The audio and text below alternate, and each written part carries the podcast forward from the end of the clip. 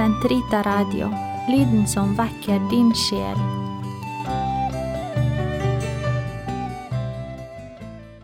Tante Martine besøker klosteret. Jeg fikk flere ganger besøk fra Norge under studietiden.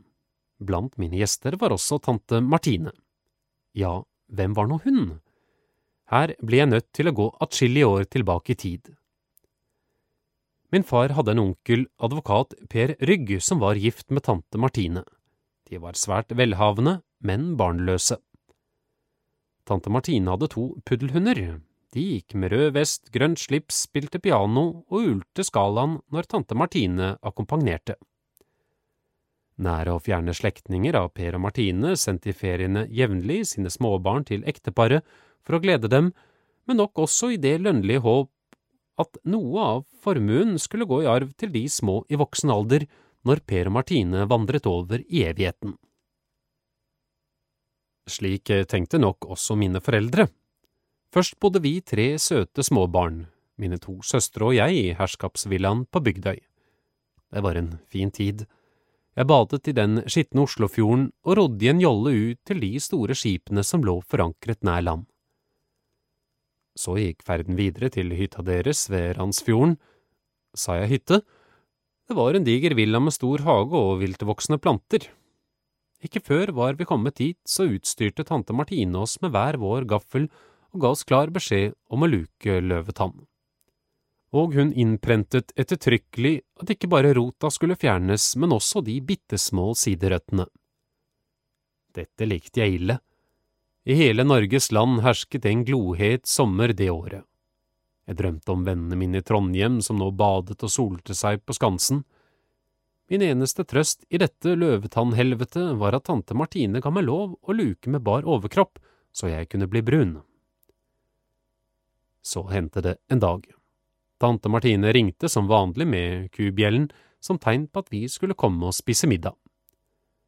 På grunn av heten inntok vi alle måltider ute ved et langbord. Tante Martine så strengt på meg. Dagfinn, sitt ikke der med den stygge, nakne overkroppen din.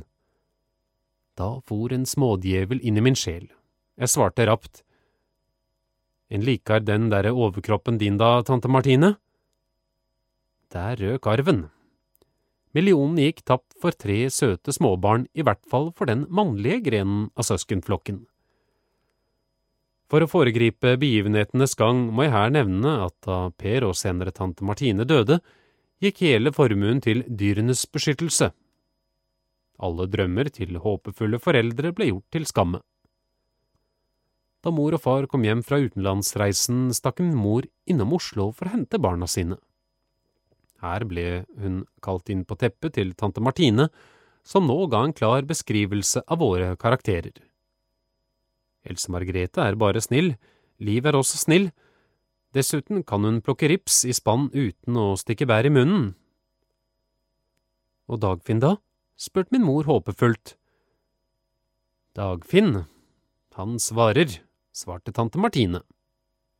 Dommen var knusende.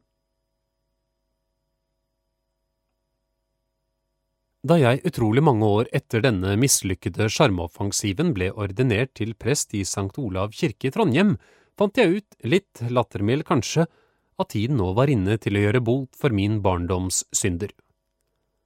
På vei fra Trondheim til vårt tyske skolastikat i Syd-Holland gikk veien om Oslo.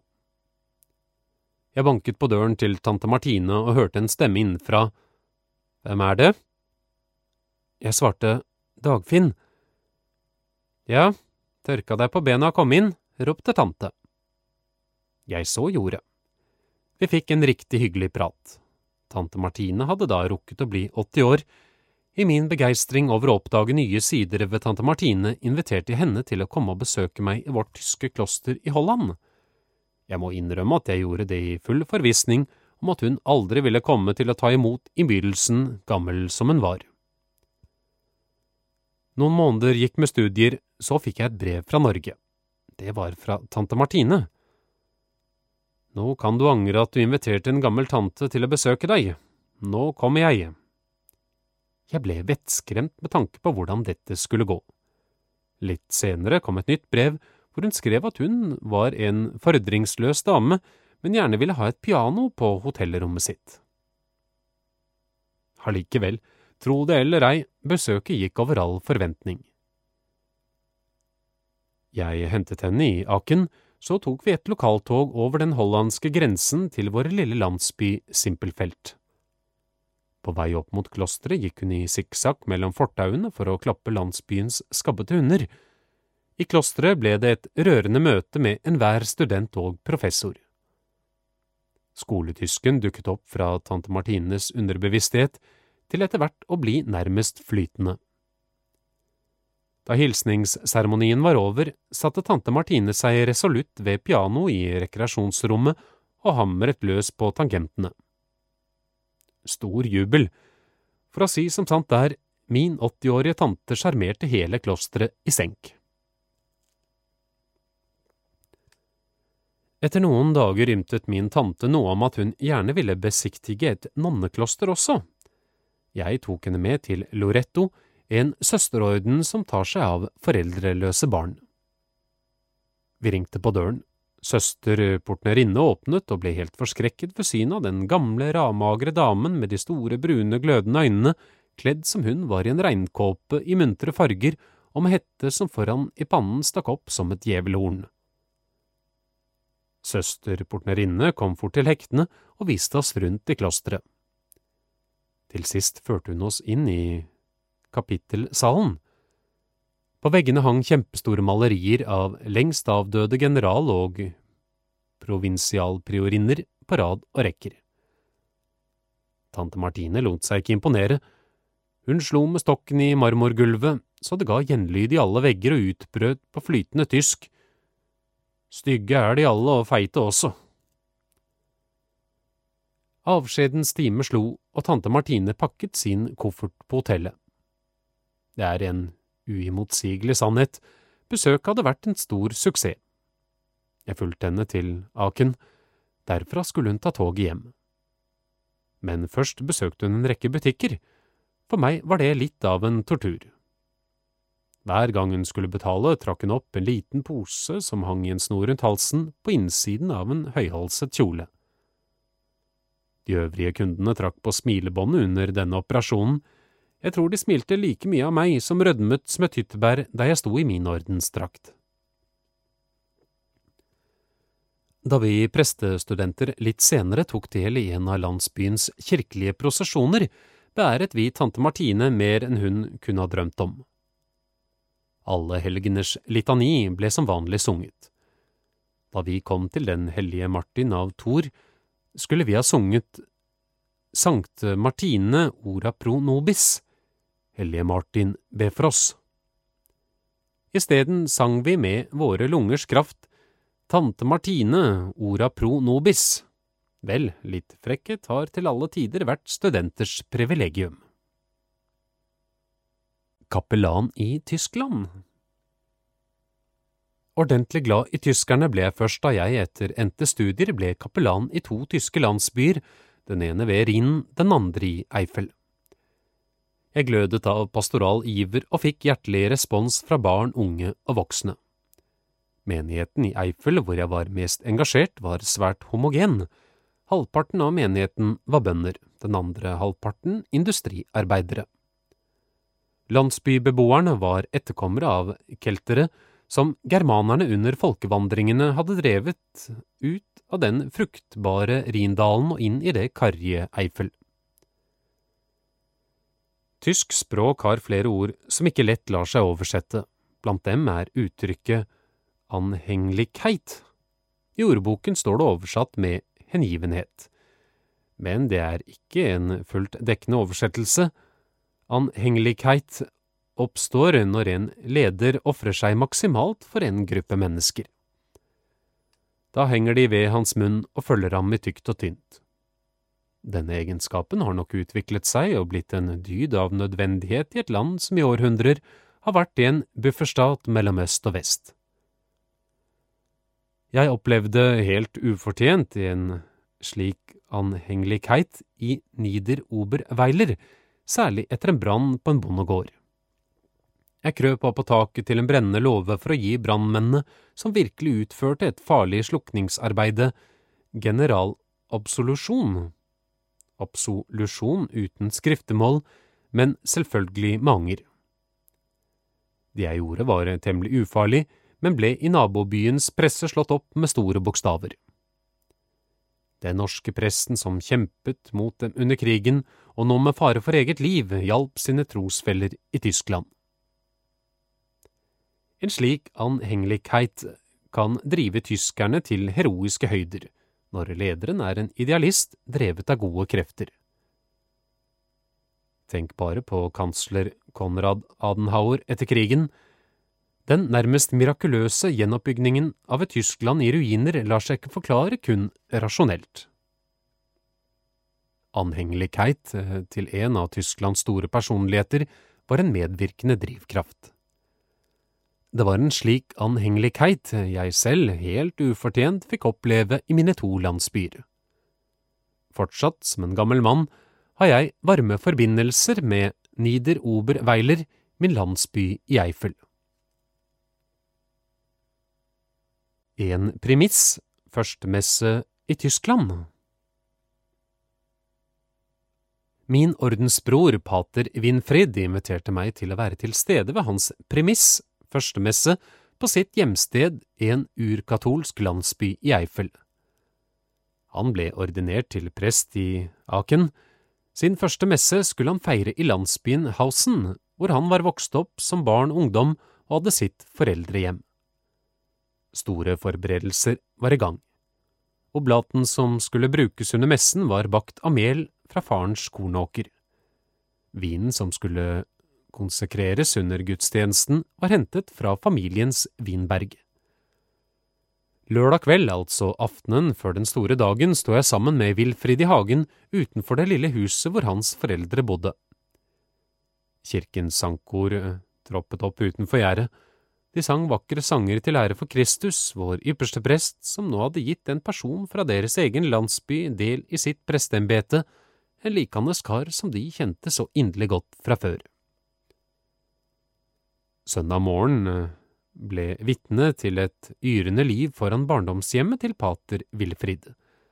Alt hva som fantes av organiserte foreninger og klubber troppet opp, Skytterforeningen i gammeldagse uniformer med muskedundere på skulderen, Turnforeningen i fullt treningsutstyr, musikkorpset med nypussede blåseinstrumenter, sognepresten kledd i kirkens dyreste paramenter, for ikke å glemme skolebarna utkledd som engler i hvite klær og vinger.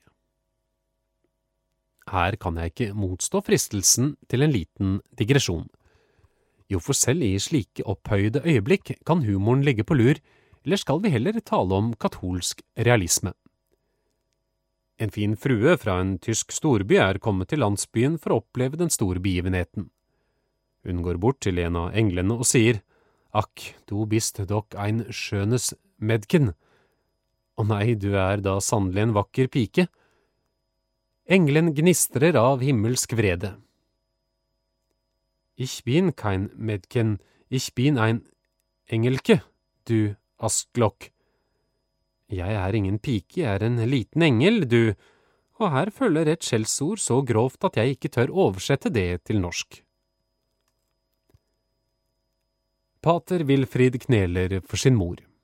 Hun velsigner gutten sin og setter premisskransen, førstemessekransen, flettet av markblomster, på hans hode. Han som om noen minutter skal lese en messe, forvalte et sakrament som gir evig liv, har motsatt sitt jordiske liv fra moren. En liten jentunge som under messen har fått som oppgave å passe på at kransen sitter rett på Wilfrids hode, stiller seg ved hans side. Premitsbraut, førstemessebrud, blir hun kalt. Så setter musikkorpset i med en fengende gladsalme, og prosesjonen beveger seg mot kirken.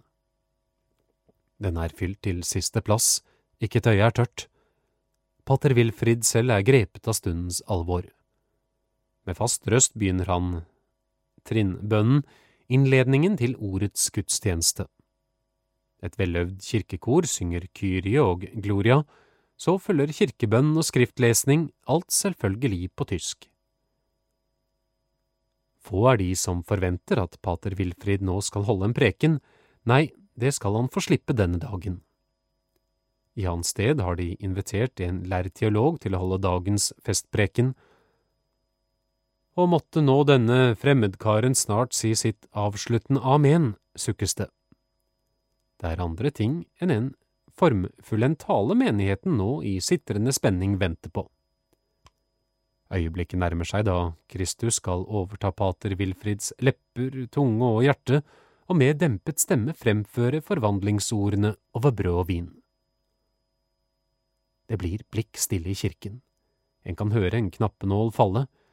Selv urolige unger stirrer tause og andaktsfulle opp mot alteret. Messens høydepunkt er kommet. Pater Wilfrid konsekrerer forvalter for første gang som prest messens mysterium. Hoc est enim corpus meum, for dette er mitt legeme. Så følger konsekrasjonsordene over vinen. Kristus er nå lys levende til stede på alteret og i kirkerommet. Han gjør sitt Golgata-offer ublodig nærværende midt iblant de troende og lengter etter, i den hellige kommunion, nattverd, og skjenke seg selv til hver enkelt landsbybeboer. Etter gudstjenesten vandrer folk enda en gang opp mot alterringen, nå for å motta premissvelsignelsen, velsignelse fra en nyordinert prest, av en av sine egne. Under en slik gudstjeneste er det ingen som funderer over teologiske begreper som transsubstansiasjon og realpresens. Få er de i landsbyen som kan sette ord på det mysterium de nylig har opplevd. Men deres tro på mysteriets sannhet er sterk og reell, nedarvet som den er i uminnelige tider hos mangfoldige slektsledd som bodde her i det karrige Eifel før dem. Så følger bordets gleder. Folk strømmer til Wilfrids barndomshjem, hvor de tar rikelig til seg av mat og drikke. I dag må jeg tenke på den motsetning jeg fikk oppleve da jeg selv leste min førstemesse i St. Olav kirke i Trondheim. Gamle skolekamerater jeg møtte på byen før den store dagen, sa velmenende Vi skal komme og høre på deg, Dagfinn,